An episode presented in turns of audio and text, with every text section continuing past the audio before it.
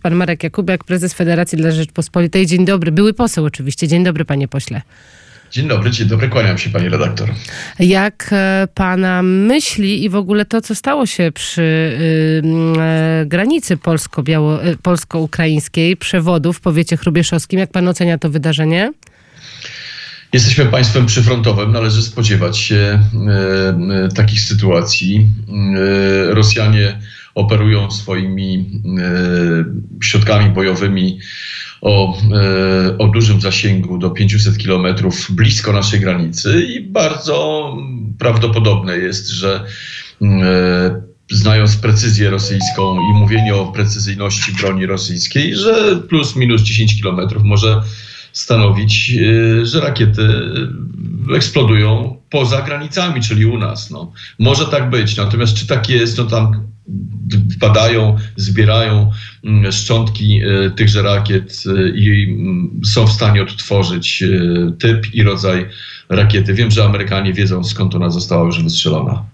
Amerykanie wiedzą, e, ale powiedzą czy nie powiedzą, panie pośle? No, e, trzeba powiedzieć, że tak, Amerykanie e, nie będą szczegółów używać, bo zdradziliby swoje możliwości obserwacyjne. Natomiast z całą pewnością narracja rządu musi być odpowiedzialna w tej kwestii, bo jeżeli to jest jeżeli to są środki bojowe rosyjskie, to mamy sytuację incydentu przygranicznego, który może spowodować wszczęcie procedury artykułu 4, potem 5 a to oznacza początek III wojny światowej, e, a czego nikt nie chce tak naprawdę. My chcemy, żeby Ukraina wygrała z Rosjanami i tyle, ale nie chcemy e, totalnej wojny, bo to by była totalna wojna, bo sojusznicy rosyjscy stanęliby po ich stronie, nasi po naszej stronie i tak dalej. No i by zaczęło się, tak jak pierwsza wojna się zaczęła, tak jak zaczęła się druga wojna dwoma oboza, obozami, że tak powiem. Uważa pan, że taki scenariusz jest możliwy? E, każdy scenariusz jest możliwy, panie redaktor, i na każdy scenariusz musimy być przygotowani jako odpowiedzialne mm, e, politycy. E, nasza lokacja naszego państwa no zawsze jest, czy, czy to się Polakom podoba, czy nie, zawsze w przeciągu stajemy, konflik- jesteśmy w przeciągu konfliktów pomiędzy wschodem a zachodem, a dziś właśnie taki konflikt mamy. Ukraina nie została napadnięta dlatego, że jest ładna, tylko jest strefą wpływów rosyjskich i e, Rosjanie nie chcą e, dać Ukrainie wyskoczyć z tych wpływów, e, czyli wejść pod wpływy zachodnie. No to jest geopolityka. Ja myślę, że dziś, jutro dowiemy się tak naprawdę, dziś pewnie. Wiem, że szczątki są zbierane. Mm, to jest tak, jak jest katastrofa lotnicza, zbiera się mm, każdy element samolotu. Tak dziś policja zbiera każdy element tej rakiety, a że głowice bojowe są z przodu, a z tyłu są silniki, takie rakiety, to z całą pewnością dowiemy się, co to, co to za rakieta. Kilka minut na naszej antenie wypowiadał się Jarosław Sachajko z Kukiz 15 o całkowitym zamknięciu przestrzeni powietrznej, o tak zwanym zamknięciu nieba nad Ukrainą. Jak pan się odnosi do takiego pomysłu? Ten pomysł został zrealizowany e, nad e, Serbią. Ten pomysł już e, był stosowany nad Syrią. Więc to nie jest nowy pomysł, natomiast to musiałoby być, pani redaktor, z punktu widzenia militarnego gigantycznym przedsięwzięciem. Ukraina to nie jest mały kraj, to jest kraj, który ma powierzchnię dwa razy większą od Polski latanie z lotnisk Polski e, na terytorium Ukrainy, e, tworząc parasol e, ochronny, jest mało możliwe. Te samoloty musiałyby startować z lotnisk ukraińskich. W związku z tym doszłoby do ingerencji bezpośredniej i to jest bardzo mało prawdopodobne. Natomiast z całą pewnością możliwe jest i bardziej realne, tylko że oczywiście ONZ w swojej strukturze na to nie pozwoli, Rosjanie w ONZ szczególnie, wprowadzenia błękitnych hełmów na granicę białoruską, bo szczerze mówiąc, to dałoby oddech Ukraińcom, ponieważ wojska z, dzisiaj e, skoncentrowane na granicy białoruskiej e, potrzebne są na wschodzie Ukrainy. E, to by dało oddech, a i Białorusinom by trochę pomogło, bo widzę, że armia białoruska nie rwie się do, do wojny z, z, ze swoim bardzo bliskim sąsiadem. Natomiast Łukaszenka to grom wie, co on myśli, co on zrobi, nic nie wiadomo, boi się to pewne.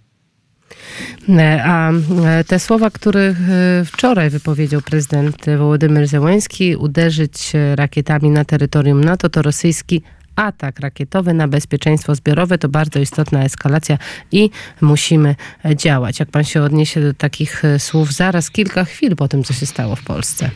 No, po, powiem tylko tyle, że Ukraina nie jest członkiem NATO y, i jest bardzo zainteresowana rozszerzeniem tego konfliktu, ponieważ wojna y, na dwóch frontach. y, Rosja nie przetrzymałaby czegoś podobnego. No, to by była krótka wojna, zdecydowanie krótka, bo przewaga technologiczna jest gigantyczna. To widać wyraźnie po froncie y, ukraińskim.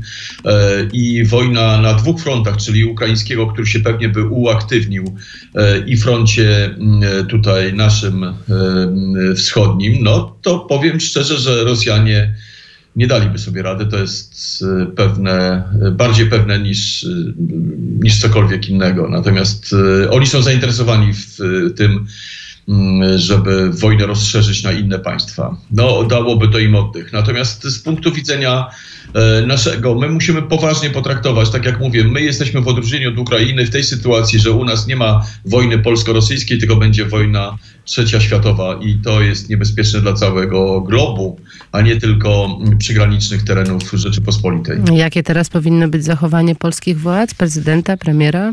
Bardzo odpowiedzialne i takie jest. Przez całą noc, przecież tam nikt nie śpi. E, Wszyscy czekają na wyniki e, policyjnego dochodzenia e, na miejscu. Tam są specjaliści z całą pewnością od obrony i powietrznej, i wojska rakietowe. Specjaliści, mówię o specjalistach. No, oni będą składać te części, aby. mm, A tu proszę być spokojnym, dlatego że te części są ocechowane szybko e, dojdą do producenta tej rakiety, nawet do numerów tej rakiety, więc e, precyzyjnie będzie można powiedzieć, e, co to jest za rakieta. Natomiast Amerykanie z całą pewnością zabiorą po cichu głos i powiedzą, czy to jest e, e, rakieta typu e, Ziemia-Ziemia, czy to jest e, Ziemia-Powietrze.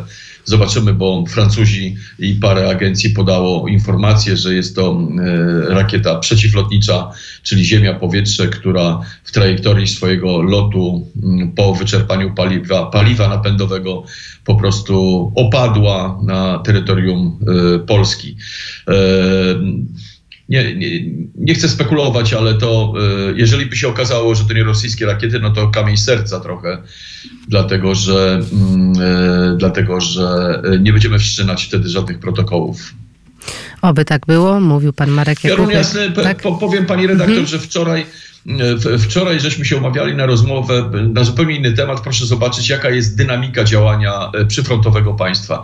Dosłownie chwilę i ja już nie uśmiecham się od wczoraj. No, to jest tak groźna sytuacja, tak niebezpieczna dla Rzeczypospolitej, dla milionów, życia milionów ludzi, że po prostu tutaj uśmiech, z, e, w ogóle kładzie się człowiek w, innym, e, w innych realiach, budzi się w innych realiach. To jest taka dynamika dzisiaj polityki. E, polityki, wydarzeń, no i wojny, którą mamy za e, swoją Tak wschodnią e, granicą. Marek Jakubiak, prezes Federacji dla Rzeczpospolitej, były poseł, także Sejmowa Komisja Obrony Narodowej. Bardzo dziękuję, panie Dziękuję pośle. serdecznie. Dziękuję.